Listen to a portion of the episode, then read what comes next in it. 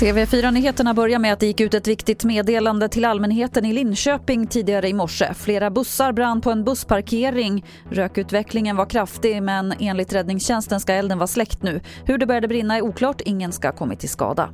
En undersökning av covidpatienter på universitetssjukhuset i Linköping visar att runt 40 procent fått någon form av besvär efter sjukdomen och kan behöva rehabilitering.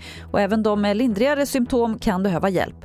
Det som vi har sett nu den senaste tiden är, är ett antal patienter som har ibland inte ens varit på sjukhus utan klarat sig med vård i hemmet eh, men som då har fått besvär efter förloppet.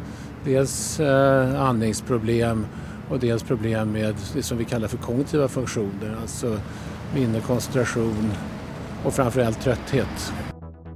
Det sa Christian Borg som är rehabiliteringsläkare på Danderyds sjukhus.